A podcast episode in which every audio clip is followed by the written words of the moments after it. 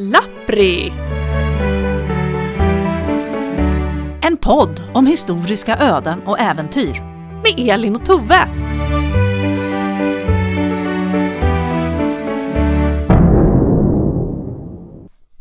Jag steg av hästen och tog paketet. Men i detsamma framkom icke mindre än sju rövare ut ur skogen. Då avlossade jag först den ena och sen den andra pistolen. Mm, spännande. Ja men verkligen. Ja, vi får se vart vi hamnar. Ja, Vi är på väg dit i alla fall. ja. Hej och välkomna till uppstart av Lappri för den här säsongen. Välkomna till vårterminen. Vi är tillbaka, vi har haft lite jullov men nu är vi här igen. Jag blev faktiskt smittad av influensa på ett släktkalas på jullovet så jag hoppas att du Elin har haft en mer angenäm julledighet. Ja, det frös på torpet så vi hade inget vatten men eh, kändes eh, väldigt jordnära. Ja men det är sån här äh, autentisk upplevelse. Ja, Det är autentiskt, folk betalar mycket pengar för det. kom till oss och betala. I den här säsongen av Lappri så kommer vi att gå tillbaka till att köra två avsnitt i månaden istället för tre gånger i månaden. För det sliter så mycket på skrivarens händer. Och stämband. Ja, precis. Vi kommer ha ett lite kortare och ett lite längre avsnitt i månaden, men det kommer också diffa lite. Vi får se. Vi får se. Ja, det beror, det beror på. Vad är stoffet? Är det magiskt så finns det inga gränser.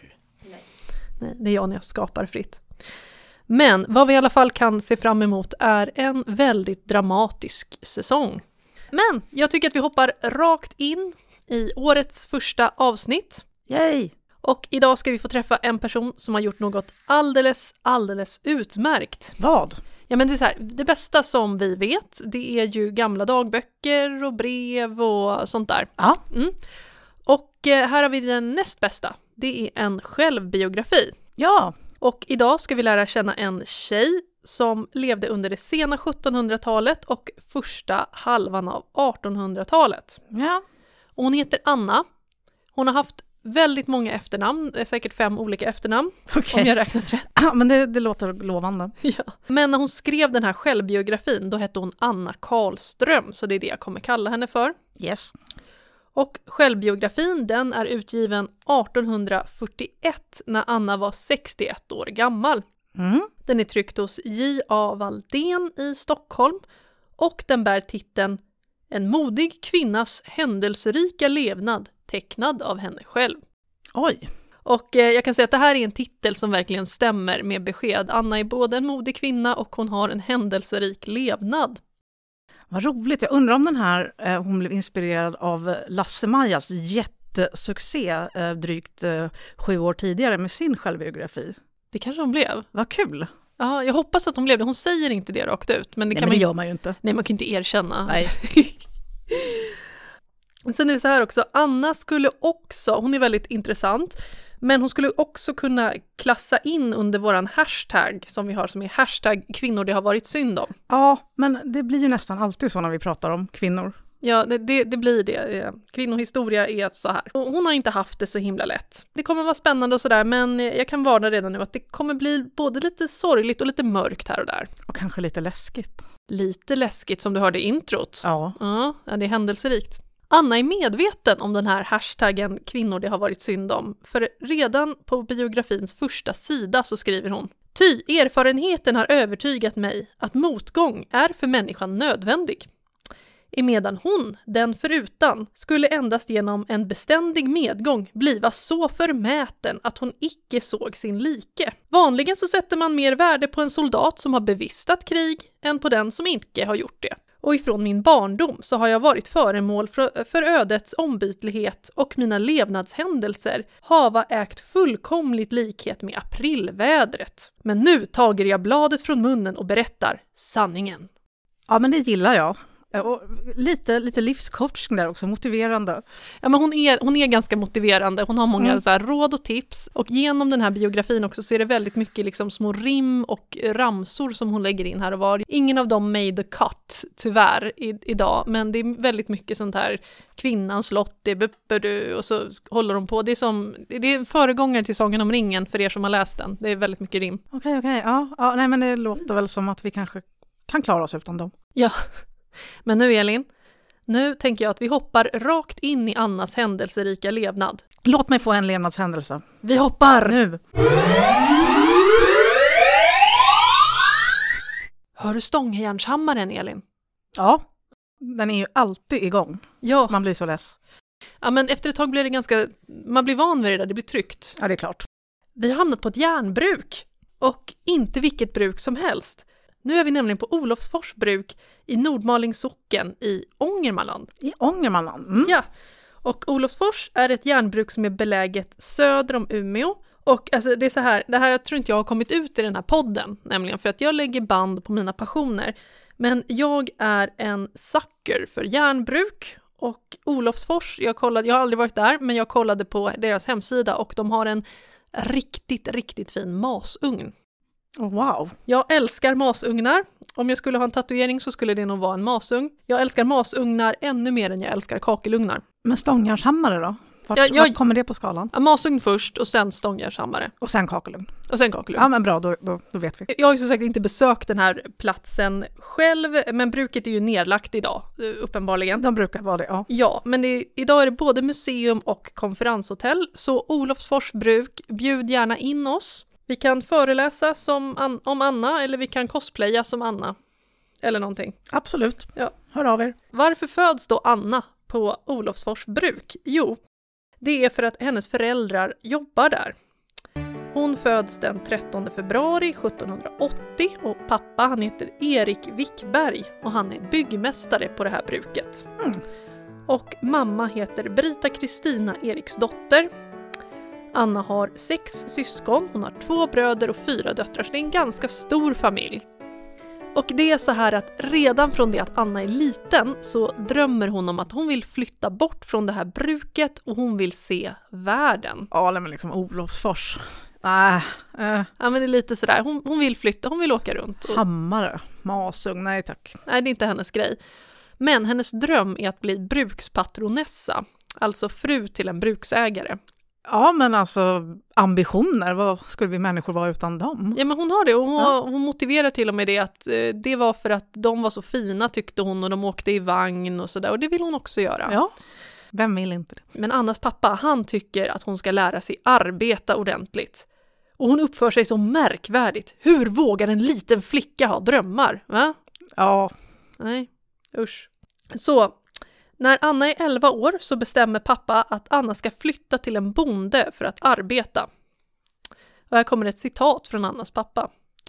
Att låta barnen vänja sig vid tungt arbete gör dem gott och därigenom får de ett stadigt humör och deras flyktighet försvinner. någon poäng har han ju. Han har det, men det här är ett tips till alla föräldrar. Ja. Mm. Så, sagt och gjort, när Anna fyller 11 år då gör pappa slag i saken och han gör upp med en kolbonde som jag kommer hänga ut här för den här kolbonden. Grattis på 11-årsdagen! Här kommer kolbonden Erik Andersson från Vångsjö som ligger i samma socken. är vår första eh, skurk i historien. Ja, det här är, äh, Erik Andersson han är en jävla skurk alltså. Pappa bestämmer då med Erik att Anna ska flytta in hemma hos Erik Andersson hela sommaren. Och eh, Anna vill verkligen inte. Nej, Nej, vad fan. Men eh, hon springer till och med iväg och klättrar upp i ett träd och hennes pappa får gå, springa efter henne och hota henne med stryk om hon inte kommer ner. Och det är liksom en cirkus när Anna ska följa med, ja, vilket man förstår. ja. Och hon vill ha med sig sina dockor till det här och eh, det vill inte pappa eller Erik Andersson att hon ska få ha. Så att så liten är hon liksom. Ja. ja. Hon ska ju jobba nu. Men hennes mamma sätter faktiskt ner foten och tvingar de gubbarna att nej, Anna ska ha med sig sina dockor. Ja. Så hon får med sig dem. Och eh, de ska ju ta sig ut dit, de ska rida tillsammans med Erik Andersson och hans fru. Och Anna placeras framför frun på den här hästen. Och det är en ganska farlig färd för de måste rida, de ska liksom upp mot, eh, mot fjällen. Erik Andersson kallas för en fjällbonde. Och de passerar genom en by som är helt ödelagd av slagbjörn och varg. Okej. Och, och det finns gastar där. Ja, det är klart att det gör om hela byn har blivit dräpt av slagbjörn och varg. Ja. Är det här riktigt på riktigt? Nej, det är Annas minnen från Okej, hon okej, är 11 ja. år. Ja.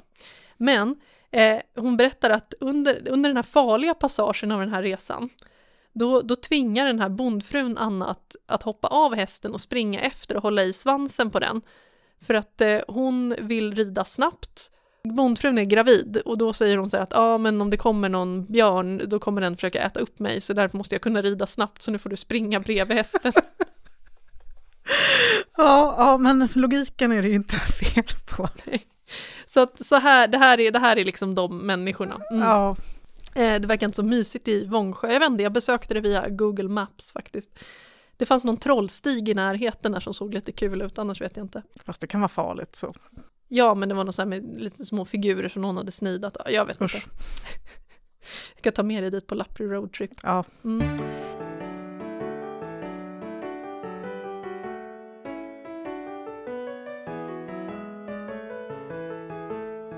Här i Vångsjö i alla fall, det är, jag kollade upp det i Google Maps, det är sex timmar till fots från Olofsfors. Och det här paret, om det inte redan har framgått, så är de rejält osköna. mm. Och Anna har delat med sig om vad får hon göra i sin, under sin tid där och sånt uppskattar vi för att eh, oftast är det så här, hon var i tjänst, men vad får hon göra? ja precis. Vad gör man hos en fjäll eh, slash kolbonde? Eh, man får mjölka, Ja, Men det är svårt att mjölka och vid något tillfälle så var det så, hon förstod inte riktigt hur hon skulle mjölka för det är ingen som har lärt henne det. Så vid något tillfälle så kom det ingen mjölk, hon var liksom hårdmjölkad. Så då gick hon och hämtade någon vass pinne och liksom stack hål i ho- kons juver. Ah! Det, det kom någon piga som fick ljuga att den, den hade blivit ormbiten för att inte Erik Andersson skulle komma på. Alltså det, är s- det här är Åh, nivån. ja. Liksom. Hon är 11 år. Ja, någon kunde väl haft ett litet intro till mjölkning, mjölkningens ABC. Man tycker det, men så, f- så jobbar vi inte i Vångsjö. Hade de getter också? Det kan, hon nämner inga jätter, men Mm. gissningsvis hade de någon get. Jag hoppas det. Man... Men hon får också tvätta något kärl, men då blir hon biten av någon blodigel och det är läskigt. Och Anna tycker att maten i Vångsjö är jätteäcklig, för att det hon får äta är något salt fisk och något barkbröd. Oj, Ja, så det är jätte, jätteäcklig Mm, mat. men det är- Och skörbjugg express. Det här är inte kostcirkeln, säger hon. Hon är där hela sommaren, hon jobbar hårt och hon längtar hem jättemycket. Sämsta sommarlovet någonsin. Ja, äh, du, vid ett tillfälle blir hon nästan uppäten av en björn när hon ska Oj, vakta oj, någon ko. oj. Ja, så det får komma någon gubbe och skjuta den. De behöver ha dit Fredrik den första. Ja, Han har sköt över 200 björnar, visste du det Tove? nej, nu vet jag det. Ja. Tack, nu blir jag av dåligt humör för att du sa Fredrik den första. Sämsta kungen, och det står jag för. Men efter ungefär fem månader, då är det dags för en big happening för då är det marknad i Nordmalings socken. Den här Erik Andersson vill inte att Anna ska få följa med på marknaden. Men den här onda frun, hon låter henne faktiskt följa med. Men hon måste lämna de här dockorna i pant. Okej, för de tror att hon kommer rymma annars Ja. när hon är på marknaden. Alltså måste lämna sin docka. Men du sa fem månader, så nu har ju mer än sommaren gått. De Ja. bara behåller henne. Ja men Äh, precis. Nej, eh, det kanske var planen hela tiden. Anna slirar en hel del på tid och så jag, när jag har kollat och jämfört saker i kyrkböcker märker jag att ibland slirar hon med år så hon kan säkert slira med månader också. Ja, och det kändes säkert som många fler månader än vad det var. Men hon får följa med där och givetvis, hela bygden är ju där så givetvis är också hennes familj där. Ja, Men nu är det så här att Anna har blivit så himla mager under den här vistelsen i Vångsjö så att hennes mamma känner igen henne men hennes pappa han går bara förbi. ja, men han verkar ju vara lite... Och när hennes mamma liksom bara, ser du inte vad som har hänt med din dotter? Ser du inte vad Erik Andersson har gjort mot din dotter? Då blir pappa fly förbannad. Så pappa rycker åt sig en pistol. Oj! Ja, och han ska alltså mörda Erik Andersson rakt på Nordmalings sockenmarknad. Okej. Men tyvärr så lyckas han inte med det för att eh, Erik Andersson blir varnad av Annas bror. Vadå, hennes egen brorsa? Ja, han går och varnar Erik Ja, i- Andersson. Han och i, och för vill... sig, i och för sig, det är ju bra att pappa inte eh, begår ett mord och Ja. eh, blir avrättad sen. Men ja, ja, ja. ja. Mm. Men hon behöver i alla fall inte följa med hem igen till Erik Andersson. Hon Nej, får åka men hem till sina föräldrar. dockorna? De f- får vi inte veta vad som Nej. hände med. Nej, det är Erik brände säkert om han är jävla elak. Och nu hoppar vi lite i tiden. Året är 1796. Anna är alltså 16 år gammal. Hon är nykonfirmerad och hon har fått eh, löfte av pappa att eh, få lämna hembygden. Så att hon kan bli brukspatronessa någonstans. Ja men någonstans. Nu har pappa liksom fått ett change of heart. Bara, ja det är klart att du ska få se världen min vän. Men det kanske är mer rimligt när man är 16 än när man är 11. Också. Ja, men i och för sig, fair enough. ja. Hon reser via Härnösand där hon har fler knäppa arbetsgivare men inte lika knäppa som i Vångsjö. Efter en tid i Härnösand då kommer hon till Stockholm och hon reser via någon slags brigg, så en båt och först går den här resan bra men sen började det plötsligt brinna i båten på något sätt, jag förstod inte riktigt hur. Okej, ja. Och Anna berättar den värsta actionhistorien om att hon räddar både skeppet och alla ombord genom att hänga från ett rep ner i vattnet och ösa vatten in på bo- ombord på den här båten. Jäklar, Ja, det här blir en väldigt häftig scen i filmatiseringen. verkligen. Hon kommer till Stockholm och hon får ju först jobba hos någon som är rektor vid eh, Trivialskolan i Stockholm, det som är Storkyrkoskolan idag, men där är de lika elaka som i Vångsjö. Men vilken otur hon har. Ja, alltså det, alla hennes arbetsgivare är idioter. Och hon tvingas gå till polisen och skvallra på de här och då kommer hon därifrån. Vad gjorde de då som polisen? Nej men det var att hon hade fått en tjänst att hon skulle lära barnen att spinna och sy och sådana sysslor. Ja, Men istället så fick hon utföra både pig och drängsysslor och tvätta och skura och bö- nej, nej, nej, nej, nej, nej. nej. Precis, Nej. Så här, grejer som inte står i kontraktet. Eller hur? Ja. Alltså, arbetsbeskrivningen, det är den som gäller.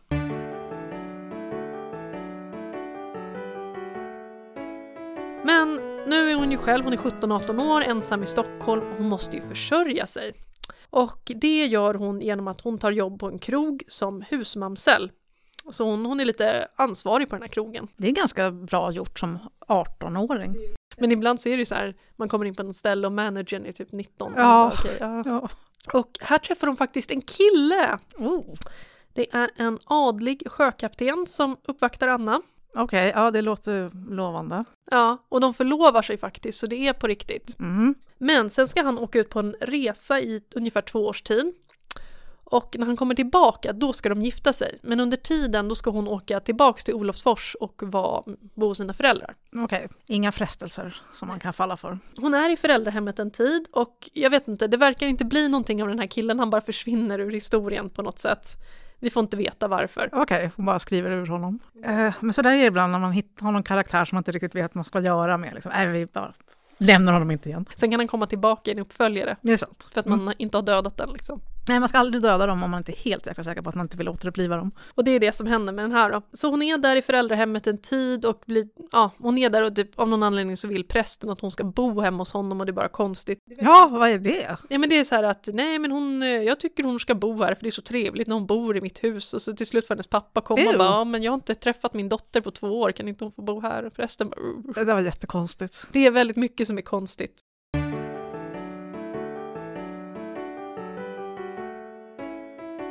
Efter ett tag så tröttnar hon och bara, nej men jag vill nog faktiskt åka ner till Stockholm igen. Och när hon ska göra det så får Anna två förmaningar av sin mor. Ett, Du måste lova att inte bli tjuv. Två, Du måste lova att inte bli en Två helt rimliga önskemål från en mor till sin dotter. Det här är typ när jag flyttade hemifrån. Ja, Det var det men snacket, vissa ja. saker ändrar sig aldrig. Och Anna svarar på det här. Vad det första angår kan jag lova med säkerhet. Men vad det andra beträffar har jag svårt att lova.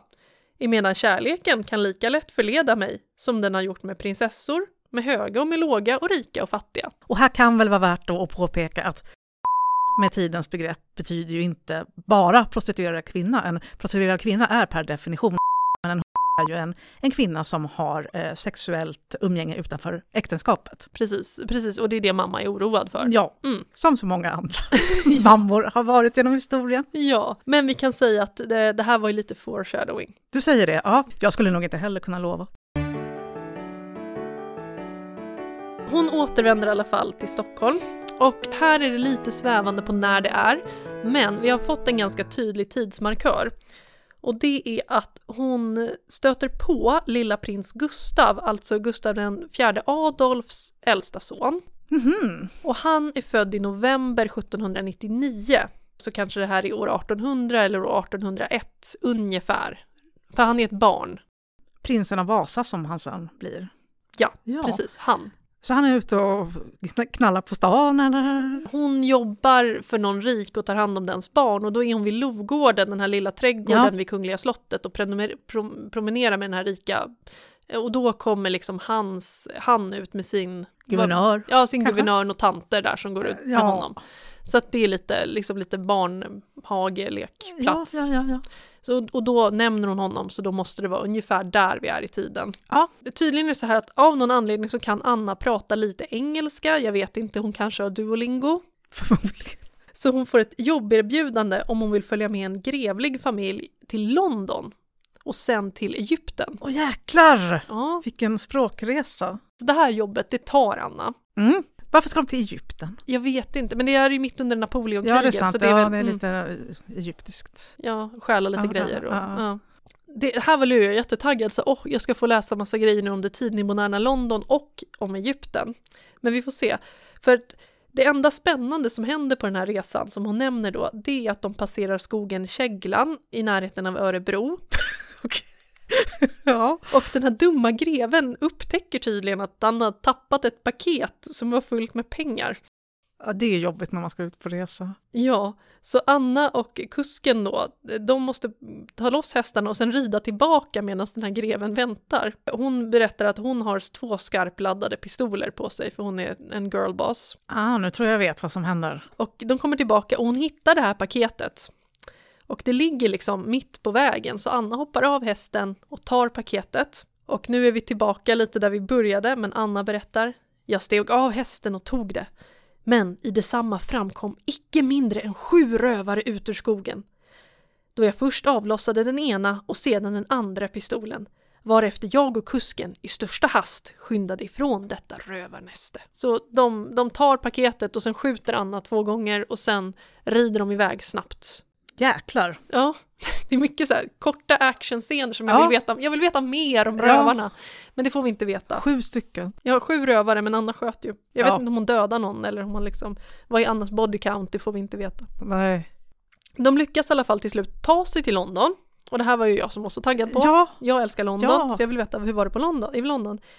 Men det, allt vi får veta om London är, är citat, jag medger att jag icke led brist på något. Jag hade god hälsa och glada dagar, men jag saknade likväl Sverige. okej. Tack för det. Ja. Det var det, var det vi kan säga om London, ja, Ja, för det finns inget kul där. nej. Anna säger upp sig efter bara tre månader i London för att hon, hon längtar hem. Det blev inget Egypten. Det, inget i Egypten, nej, och tre månader bara i London. På vägen tillbaka, hon kommer via Göteborg, Ja, Och sen åker hon via Uddevalla, Lidköping där.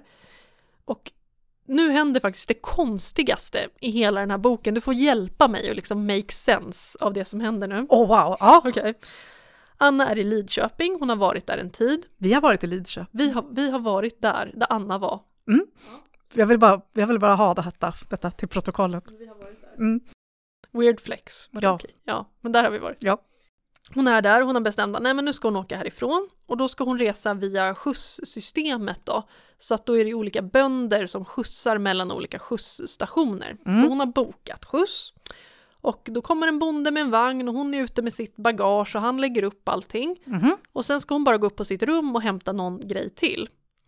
Och när hon kommer tillbaka, då är alla grejer avplockade från vagnen och den här bonden har stuckit. Han drog, ja. Ö, och hon bara, ha, vad fan är det här? Jättekonstigt. Inte okej. Ja, dålig service. Men det kan man skriva i boken och klaga på servicen man fick. I Lidköping. Nej, men det kunde man alltid göra på gästgivargården. och Ah, Ja. ja. ja, just det, du läser ju sådana. Klaga lite. Ja. Men eh, hon beställer skjuts igen dagen efter. Samma sak händer. Nej, men vad är det här? Och sen, eh, nu tycker hon att det är ganska konstigt, men hon provar en gång till och exakt samma grej Men kan de händer. kanske inte gå upp och hämta grejer och se vad som händer? Ja, Jag tycker att hon kan, bara, hon kan ta ner allt på en gång och stå där och vänta. Ja, Men nej. Och så här, det här är Lidköping, det här är taxiservice i Lidköping. ja. Men det- nu tycker Anna att det här är jättekonstigt.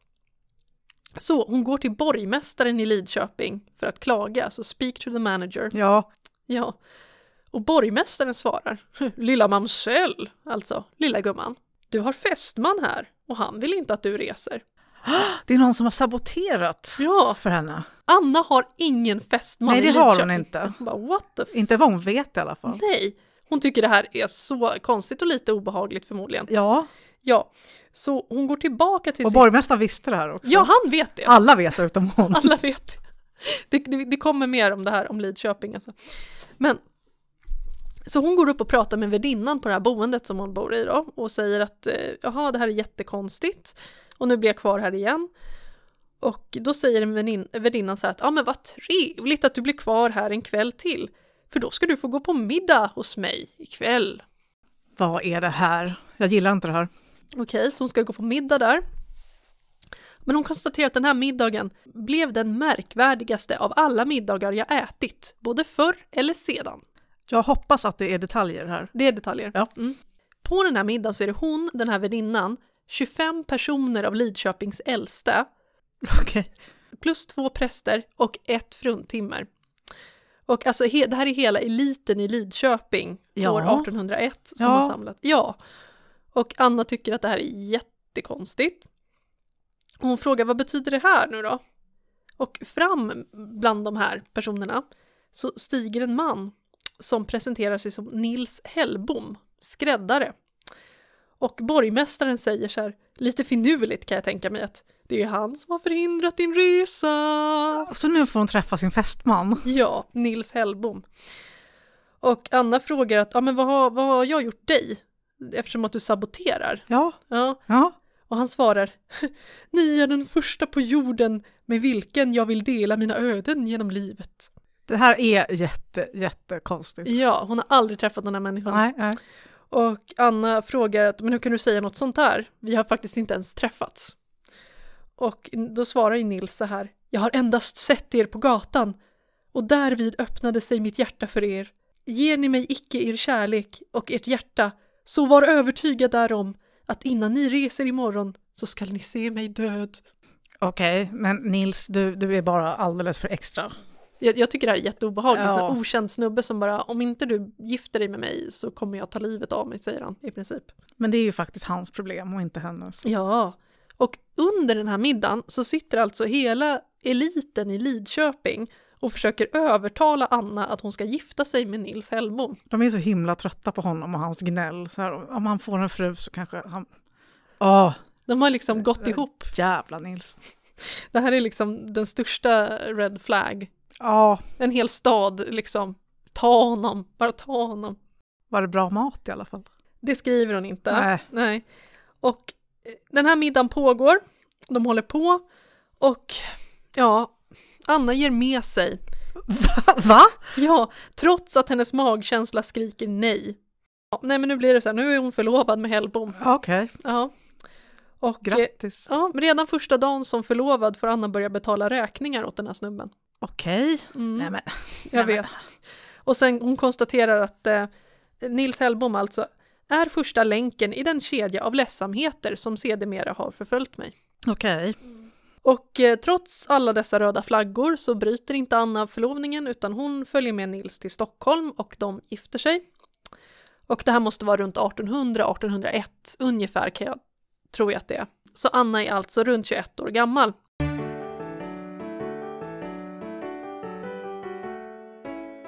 Sen kanske det verkar som att det här kanske kan bli lite bra ändå.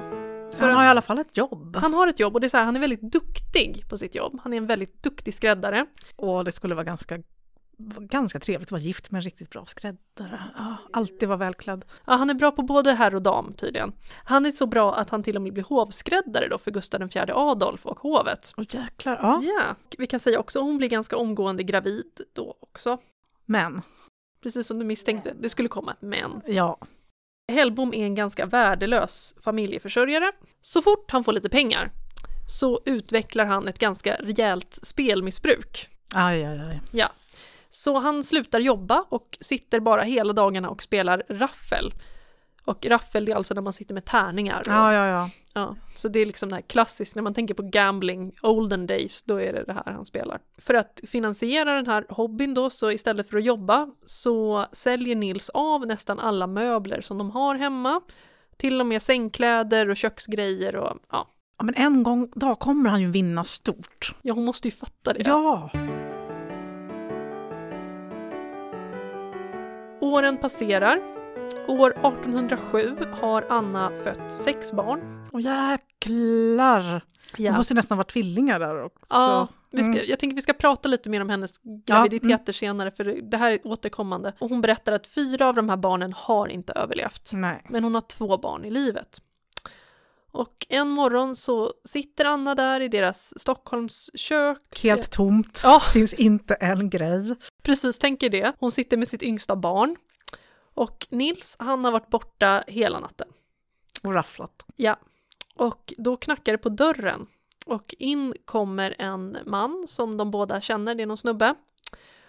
Och han har kommit att berätta för Anna att eh, Nils Hellbom har ikväll då svurit fanan och blivit artillerist.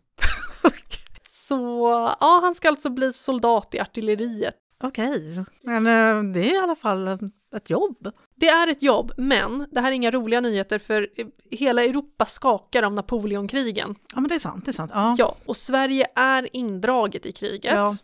Även om det ryska angreppet på Finland fortfarande inte har skett så är Sverige i allra högsta grad med. Så det betyder att nu kommer Nils med stor sannolikhet bli skickad rakt ut Mm. i det där då, i, på kontinenten. Men i alla fall lite kanoner mellan sig och, och fienden. Och Anna berättar om det här. Denna nyhet var för mig ett åskslag. Det spädaste av våra barn hade jag i knät och det släppte jag av förskräckelse i golvet. Men Anna. Det blev väldigt Monty Python. Ja, okej. ja, nej. Okej, men Ja. han, alltså, han verkar ju vara helt värdelös i alla fall så hon kanske får änkepension om han åker ut i kriget Ja, man, och kan, dör. ju- man kan ju Så- faktiskt hoppas det. Ja. Ja. så den här idioten Nils då, han försvinner och Anna är lämnad utan någonting, en lägenhet utan några möbler och två små barn. Och nu blir det här väldigt mörkt, men hon är jättedeprimerad. Hon säger, vad fan har jag hamnat? Hur blev det så här? Hon skulle bli brukspatronessa. Ja, och nu sitter hon där. Det, det är till och med så illa att hon, hon eh, överväger till och med självmord Mm. och ska faktiskt hoppa från Nej. Slussen. Men det kommer två killar och drar upp henne i sista stund och bara stopp, vad gör du? Och Anna tänker efter och inser att nej men hon, hon ska försöka leva för, för de här barnens skull då, inte för sig Kämpa. själv. Ja men verkligen kämpa nu Anna. Mm. Och tappar dem inte i golvet. Nej, gör inte det snälla. Efter en tid då, hon, hon kämpar på, hon Ja. försöker, hon Ja. bestämmer sig att nej men jag ska försöka klara mig nu. En modig kvinna. Efter ett tag får hon besked av Nils att han har redan tröttnat på armén och ska försöka rymma till Norge och skapa ett nytt liv. Okej, mm, Ja. men, men kör på Nils. Ja, men Nils kommer inte längre än till Avesta och dör. Okej. Men han är rymling. Ja, Ja, då blir det nog ingen kanske änkepension. nej jag, Ja. jag, tror, jag tror Nej. inte det. Och vi vet att Nils avlider 1807, så det är det här året. Ja. Så Anna är nu 27 år, änka med två små barn. Och av detta så får hon någon slags kollaps och blir sängliggande. Det här är jättepsykiskt påfrestande. Och eh, faktiskt kommer myndigheterna och hämtar barnen. ja, någon gjorde en orosanmälan. Kanske var lite bet- ganska bra det. Ja.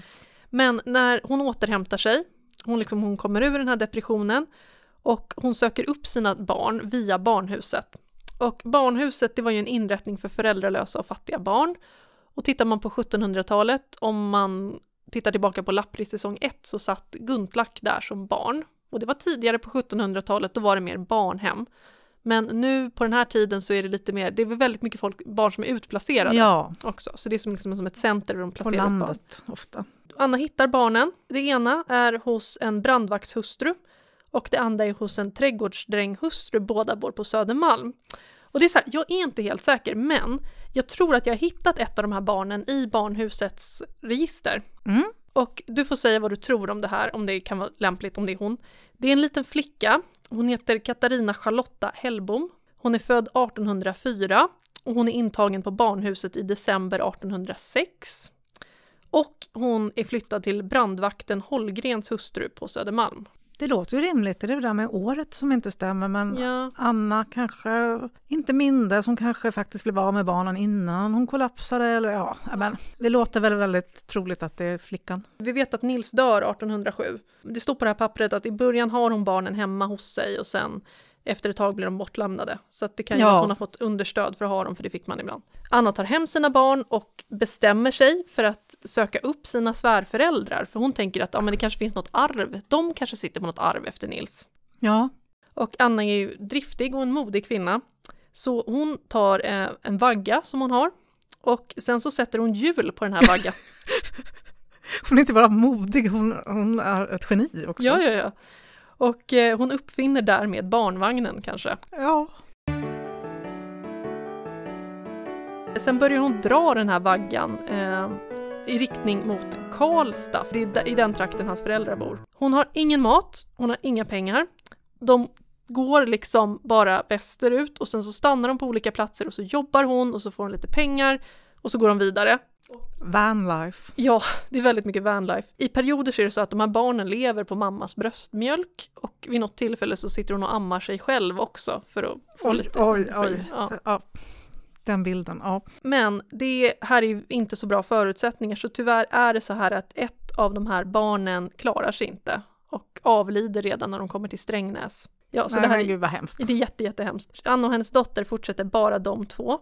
Och de tar sig hela vägen till svärföräldrarnas hus och det ligger i Ulleruds socken. Och det finns två stycken Ullerud, båda ligger norr om Karlstad. Någon av de socknarna är det alltså. Och jag tror ingen som kommer därifrån kommer vilja claima de här föräldrarna, Okej. svärföräldrarna heller. Nej. Låt höra. Long story short, svärföräldrarna är väldigt förmögna bönder. De verkar inte bry sig så jättemycket om att Nils är död. Hon säger det, ja men jag är er sons hustru och han är död. Och de bara, jaha, whatever. Jättekonstigt. Ja, de, men de är Mm. Men det förklarar ju kanske hur, att han var som han var. Ja, men väldigt osköna. Och eh, det finns inget arv heller att hämta där. För de säger nej men det har Nils redan hämtat ut. Han tog sitt arv i förskott så han ska inte få ha. Och Så du ska, rafflade bort det. ja men typ så här, du ska inget ha. Sen så kommer det tydligen någon annan från den här socknen och bara åh att rika människor kan vara så ogina. Så att Mhm. familjen Hellbom i Ullerud är tydligen osköna människor. Ja. Så aha, nu står hon där och inget arv. Så att Anna vandrar tillbaka mot Stockholm. ja, där kan man ju inte stanna. Nej, inte i Ullerud. Och en natt är hon nu ute i skogen med sitt barn. Hon lägger barnet och sover på någon bergsklippa. Men björnarna då, Anna? Ja, men Anna tror starkt på Gud. Gud har skyddat henne genom den hela den här resan. Mm. Hon lägger sig ner och hon ber en liten bön. Och efter ungefär en timmes tid så svarar en mystisk röst från höjden.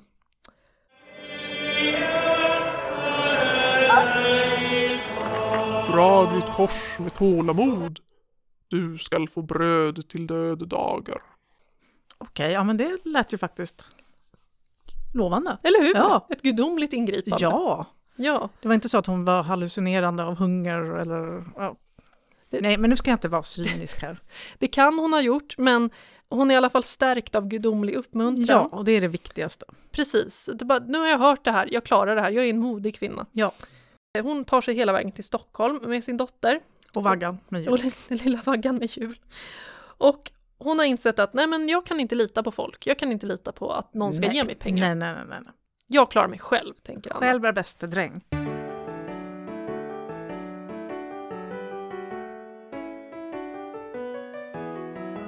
Och hon går och pratar med en kompis som driver eget. Och den här personen är en kvinna som har ett värdshus. Och hon tipsar Anna, men kan inte du öppna krog då? Mm, ja.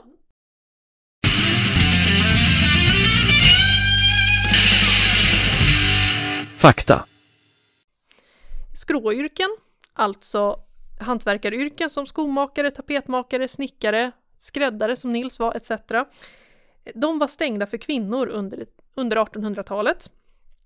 Däremot så räknades inte servering som skråyrke.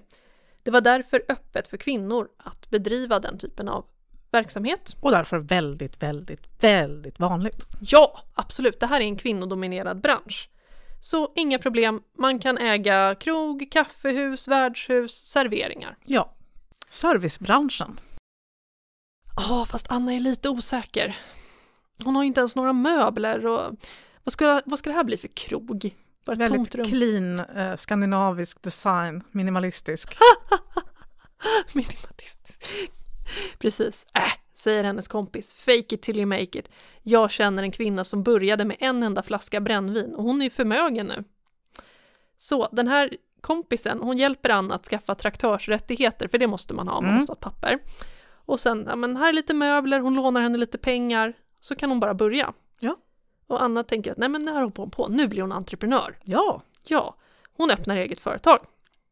Och det gör hon. Hon får tag på en lokal i hörnet av Skeppsbron och Skottgränd för alla stockholmare. Mm.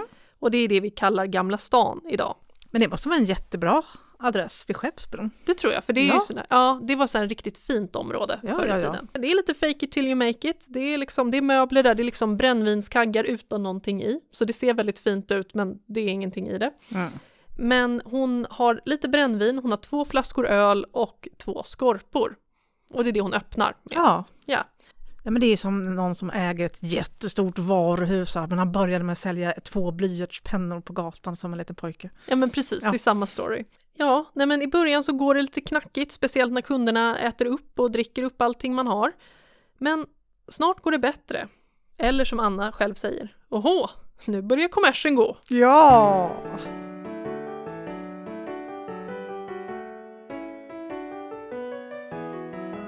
Och i mantalsskrivningen för år 1810 så hittar vi Anna, 31 år gammal, med dotter 7 år och en piga som innehavare av ett spiskvarter. Mm. Ja, Så att där, där bor de. När Anna har drivit sin krog i ungefär ett års tid och det går ganska bra.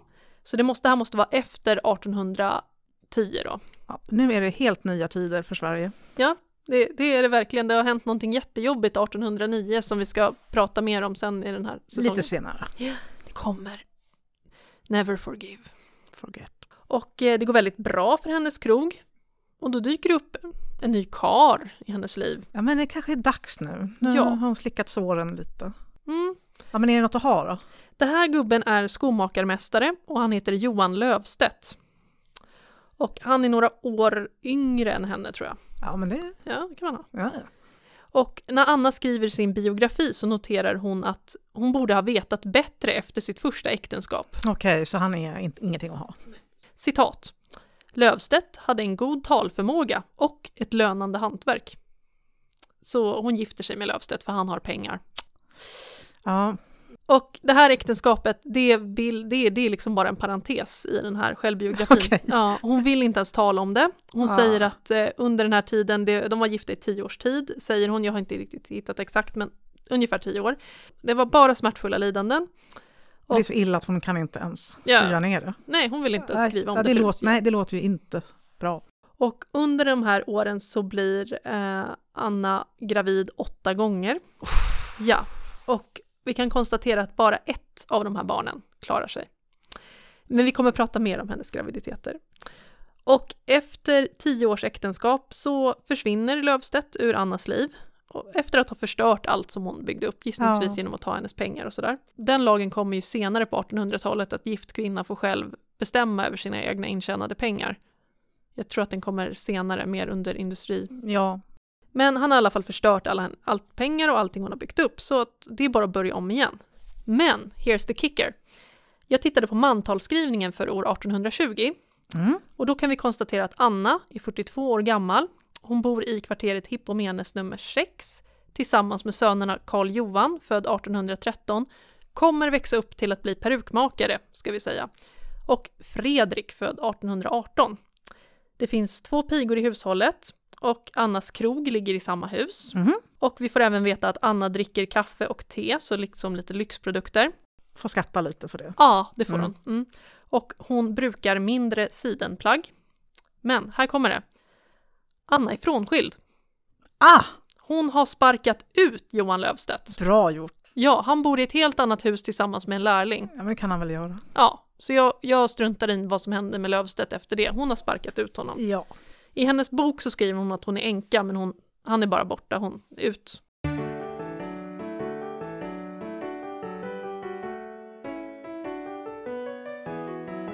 Och efter det här, då kan man ju tänka att nu är hon väl trött på karar. Men, Nej. nej. Bara ett år efter det här så gifter hon om sig, Tredje gången gilt. yes, med Johan Anders Lundholm.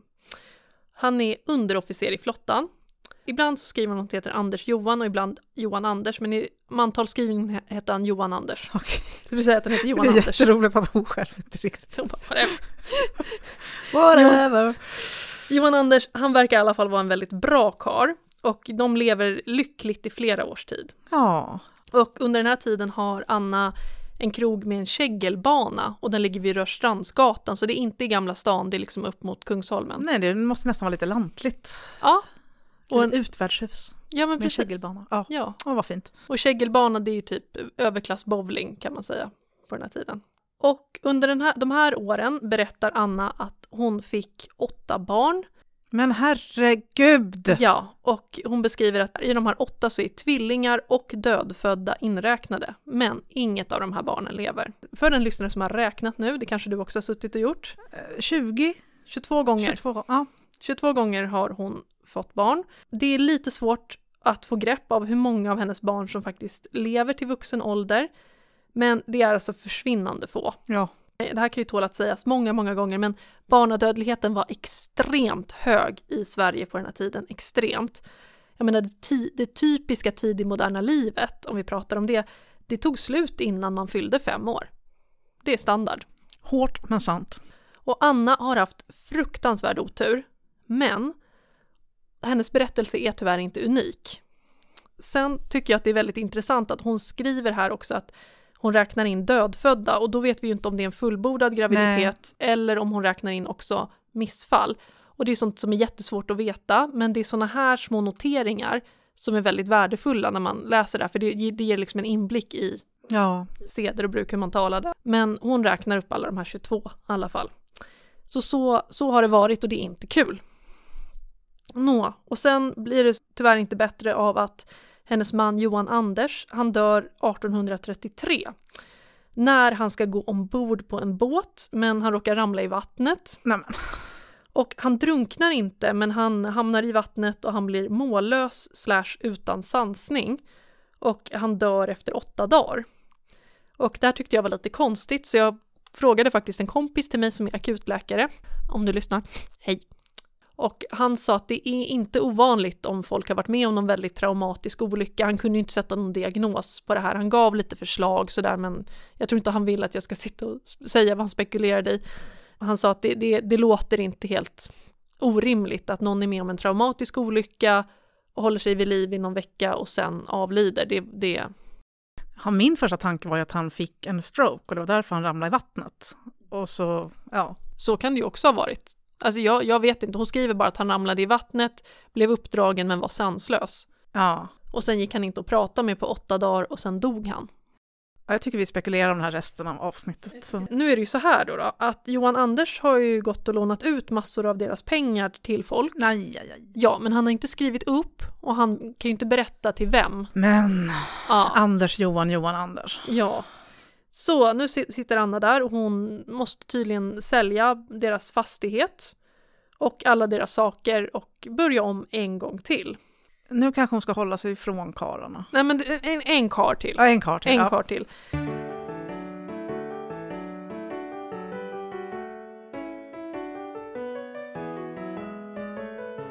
Den här gången blir det skepparen Anders Karlström.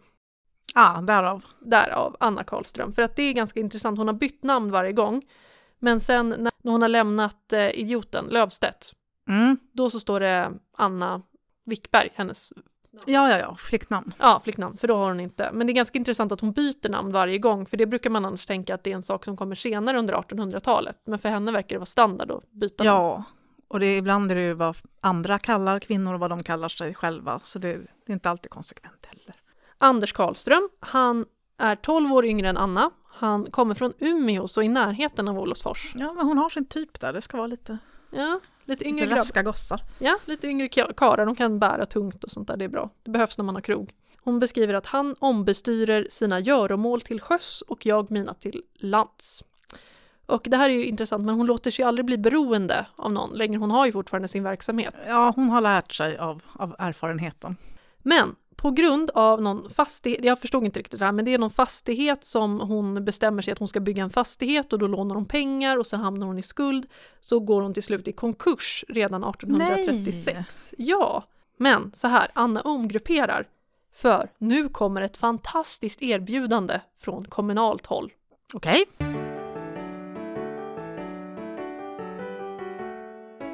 Så här. Nu, nu sätter jag stenen här. Men i Stockholm finns ett stort problem med olika könssjukdomar. Både på 1830-talet, men också idag. Och myndigheterna tänker att det här är någonting man borde motverka. Så överståthållare Jakob Wilhelm Sprängporten väljer i april 1838 att försöka lösa det här problemet med alla könssjukdomar genom att låta grunda två kommunala bordeller mitt i Gamla stan. Vilket genidrag! Det kan ju vara bra för turismen också. Ja, ja, ja, ja.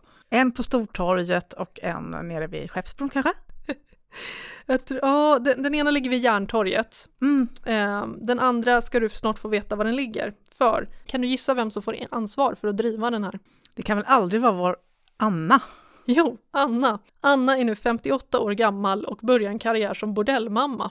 Ja, men det ska nog vara en kvinna med lite erfarenhet och pondus. Mm. Ja, mm. Om man nu måste ha en kommunal bordell, vill säga. Men jag kan säga att i sin självbiografi så hä- hänvisar hon till detta som ett värdshus. Okej. Hon skriver att jag drev detta värdshus. Och bordellen döper hon till London. Den andra bordellen heter någonting med Hamburg, så att ja, Ja, men det kanske är en hint om vad hon fick se när hon var där i London de här månaderna. det är jätteroligt. Ja, det var säkert det. Alltså här var det i London. Enligt publicisten Ridderstad så ska London ha legat i skeppar Karls gränd och det stämmer någorlunda med vad Anna säger, för hon säger att det låg på Skeppsbron i det hus eh, som gamla Reisen höll till i. Mm. Och där ligger det ju nu ett väldigt dyrt hotell som heter Reisen. Mm. Och det är alltså Annas gamla bordell, inte hela det huset men i det huset. Ja. Nu vet ni det ni som betalar typ 3000 spänn för enkelrum där. Men den här karriären som bordellmamma, det var inte riktigt vad Anna hade föreställt sig. Nej, Okej. Vad hade hon föreställt Jag vet inte, men det är jättejobbigt att driva bordell tydligen. Alltså, ja, det tror det betvivlar jag inte ett ögonblick på. Hon skriver Hållningen därav var visserligen icke överensstämmande med min ålder, ty mångfaldiga obehagliga uppträden inträffade snart dagligen. Okej, så ja, det fanns de som hade henne som typ kanske. Ja, eller liksom folk som bråkar på bordellen. Ja, Okej, ja, ja. Och denne befattning, ut i alldeles motsatt förhållande emot vad jag förut var van, föreföll mig högst fatigerande. Ja, hon har hållit bättre värdshus och så får, hamnar hon på någon vilda västern på det. Ja, men verkligen, senast så hade hon en Ja, liten ja, ja, ja. kägelbana på landet. Ja, Och nu är det bordell mitt i stan. Ja, ja, ja, ja. Folk som bråkar och stök på bordellen. Och också hennes man Anders, han är väldigt missnöjd med den här verksamheten. jo, Han kommer typ tillbaka från någon seglats, han är skeppare. ja, Och så har hans fru öppnat bordell. ja, Kommunal bordell. ja, ja, Ja. förvisso. Den drivs med offentliga medel får vi väl anta, men den kanske bär sig själv efter ett tag. Han tycker att Anna är för gammal för att driva bordell. Men Tove, hur motverkar man könssjukdomar genom att ha en bordell? Det, oj, men gud, det glömde jag säga. Nej, men de tänker att det ska bli kontroll av de här kvinnorna som är i bordellen. Man ska ha koll på vilka de är, det ska komma läkare och göra undersökningar av dem och så ska man se och så ska det, tydligen ska också kunderna undersökas. Ja, men det är i alla fall en förbättring mot det systemet som kom sen, slutet på 1800-talet, för då var det bara kvinnorna. Kunder och kvinnor ska undersökas. Vad vi, Förlåt. Äh. Men- Men... Jag bara tänker när de kommer som torsk till den här bordellen Ja, och tror liksom, ja nu ska jag ha en härlig stund där och så kommer två läkare och där, aj, aj, aj, först, först ska vi titta här i byxan. ska kissa i den här plastburken. Jag vet inte om de undersökte kunderna någonsin, men det var planen. Och det, det finns också någon slags tanke från början, vad jag förstod, jag läste en studie om det här, att, man skulle, att det skulle vara lite skyddande och lite tryggare för de här kvinnorna som jobbar i den här branschen. Men tydligen så fick de, var alla i, i så dåligt skick, både på London och Hamburg, att de fick åka till Köpenhamn och hämta nya kvinnor. Gud. Alltså det här är bara jättehemskt. Jag vet. Eh, Men så gick det till i alla fall. Jag fick importera det. Ja, till den kommunala bordellen Ja. som drivs av Stockholms stad. Alltså Sverige är så enande och fattigt att vi måste importera prostituerade kvinnor.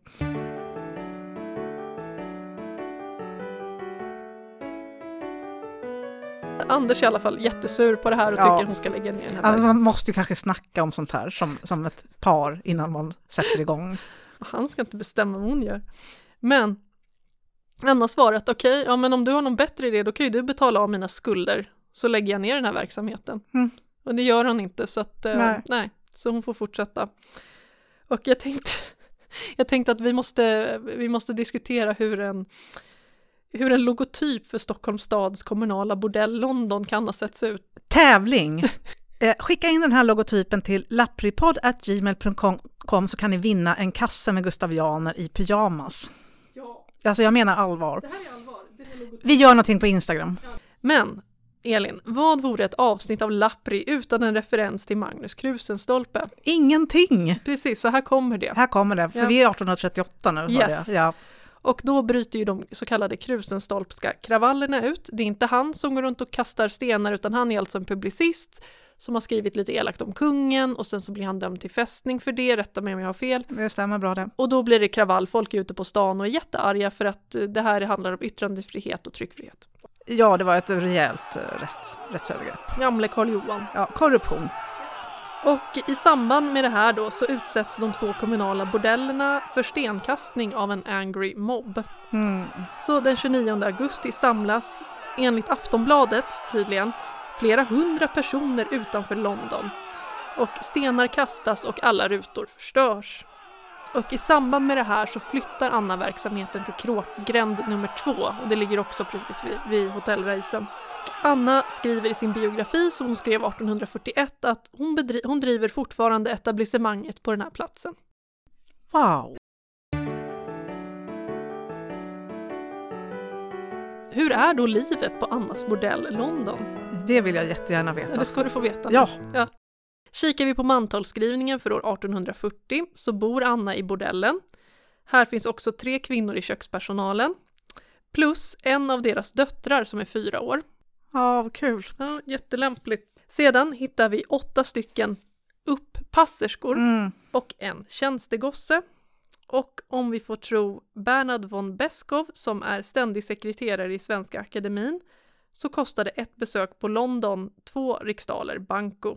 Och jag blev ju givetvis väldigt nyfiken på vad det här kan motsvara. Det är, det är väl en ganska duktig summa. Ja, så jag slog upp i vårt favoritverk som heter Vad kostade det? Ja, det är där. Mm. Ja. och det är utgivet av Historiska Media. Och jag kom fram till att ett besök på bordellen London kostar lika mycket som två dussin blyertspennor och nästan ett helt får. Mm.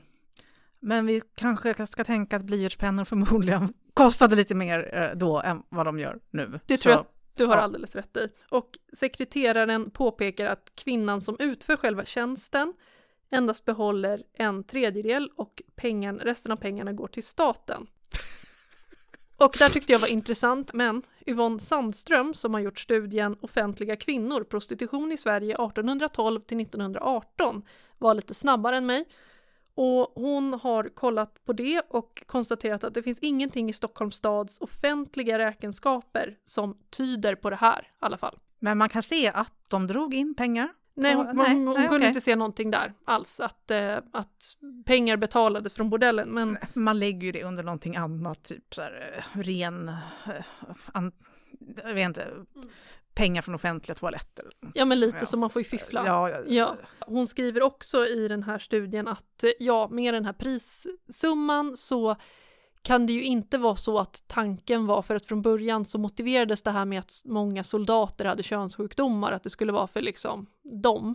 Tydligen så gör den här summan att det blir ganska dyrt att gå på den här bordellen. Så då hittar man ändå något budgetalternativ inom gränd någonstans. Ja, typ det här är ju typ medelklass och överklassmän som går till Annas bordell. Eller så kan de köpa blyertspenna, jag vet inte. Ja. Ja. Och i samma studie så citeras också ett antal politiska pamfletter där skribenterna som är väldigt upprörda över de här bordellerna framhåller att de anställda tvingas betala bordellmamman hyra och ofta blir skuldsatta till henne. Det är, i alla Men fall, gud. det är i alla fall den bilden som fanns i samhället på den här Ja. tiden. Jag vet inte om det stämmer eller inte och det slår inte eh, Yvonne Sandström fast heller.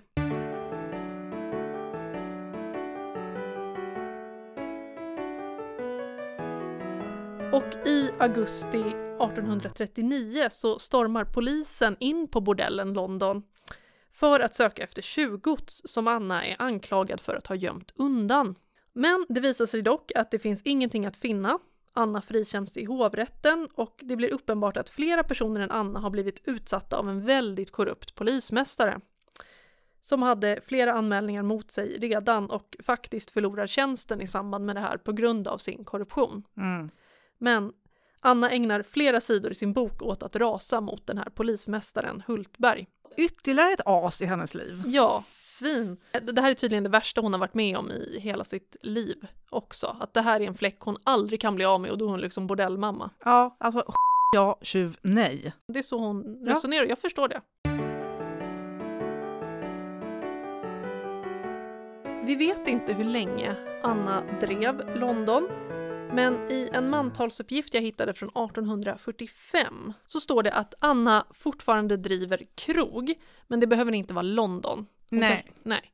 Hon kanske la ner den där bordellen 41. Den här stadt Hamburg var mycket mer långlivad. Okej. Och den togs sedan över av någon gubbe som har varit inneboende hemma hos Anna. Okej. Ja, och sen drev han den vid Adolf Fredriks eh, kyrka i närheten där och då blev hon jätteosams med någon präst som tyckte att det var orimligt att ha en bordell så nära kyrkan. Och, Ja, ja, mm, Ja. jag förstår hur han tänker. så det var liksom ett helt drama också. Men där är inte Anna inblandad. 1845 så ser vi att Anna bor tillsammans med Anders och vad jag tror är en vuxen dotter. Det var i alla fall en person som var född 1823, hette Anna Wickberg, Mm. så det känns som att det är hennes vuxna dotter. Men de lappade ihop sitt förhållande i alla fall, Anna och Anders, trots den här Ja, alltså han, ja, schismen. ja, han var bara Mm. lite sur Mm, på henne, mm, mm. men kärleken var starkare. Men... Ja, och det hjälper också att man är ute till sjöss halva tiden. Nu börjar vi närma oss de sista gyllene åren i det här händelserika livet. Jag hoppas att de blev lite gyllene. Jag hoppas också det, för jag vet inte om de var lika äventyrliga som de tidigare, för hon slu- hon, hennes biografi slutar nämligen när hon är 61. Ja. Så jag vet inte så mycket. Jag kan i alla fall svara på att Anna somnade in i maj 1850 i en ålder av 70 år efter en sannoliken mycket händelserik levnad. Och vi är väldigt glada över att hon har lämnat den här självbiografin efter sig. Verkligen. Tack, Anna. Jag vill skriva under på att det är en bra titel på en bok. Det är en modig kvinna med en händelserik levnad. Ja, hon ljuger ju verkligen inte. Ingen falsk marknadsföring där. Nej, alltså jag tycker hon är ganska skön. Ja. Jag kan rekommendera den här boken, den finns gratis att läsa online. Jag kan la- eh, länka till den på vår Instagram. För hon har en väldigt rolig ton när hon skriver, man hör henne liksom Mm. berätta. Ja, men det är ju faktiskt roligt att läsa. Vilken tur att hon inte blev bru- brukspatronessa, för då hade hon aldrig skrivit den här boken i alla fall. Så. Nej, det hade inte varit lika roligt. Nej. Men tack för det och stort tack för att du har lyssnat på Lappri. Tack ska ni ha. Vi ses snart igen. Lappri presenterar Halv sex hos Peklin. Du, jag och du är inbjuden till en afton i sammansvärjningens tecken. Den 16 mars 1792. Förlåt, jag menar naturligtvis 2024. Arrangerar Lappri en extremt hemlig aftonmåltid på Jakobsbergs gård i Bredäng. Röda linjen, motorspår. Klockan halv sex hos Beklin möts vi sammansvurna för en kväll av konspiration, hemlighetsmakeri men framför allt en rekonstruktion av den måltid som åts hemma hos Beklin den 16 mars 1792. Läs mer och anmäl dig på lappripodd.se. Välkommen till Halv sex hos Peklin.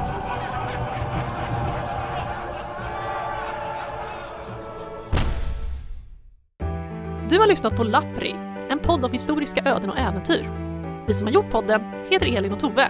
Du kan följa oss på Instagram på lappripod, besöka oss på lappripod.se och lapprimerch.se. Och om vi hade väldigt fel kan du mejla oss på lappripod@gmail.com.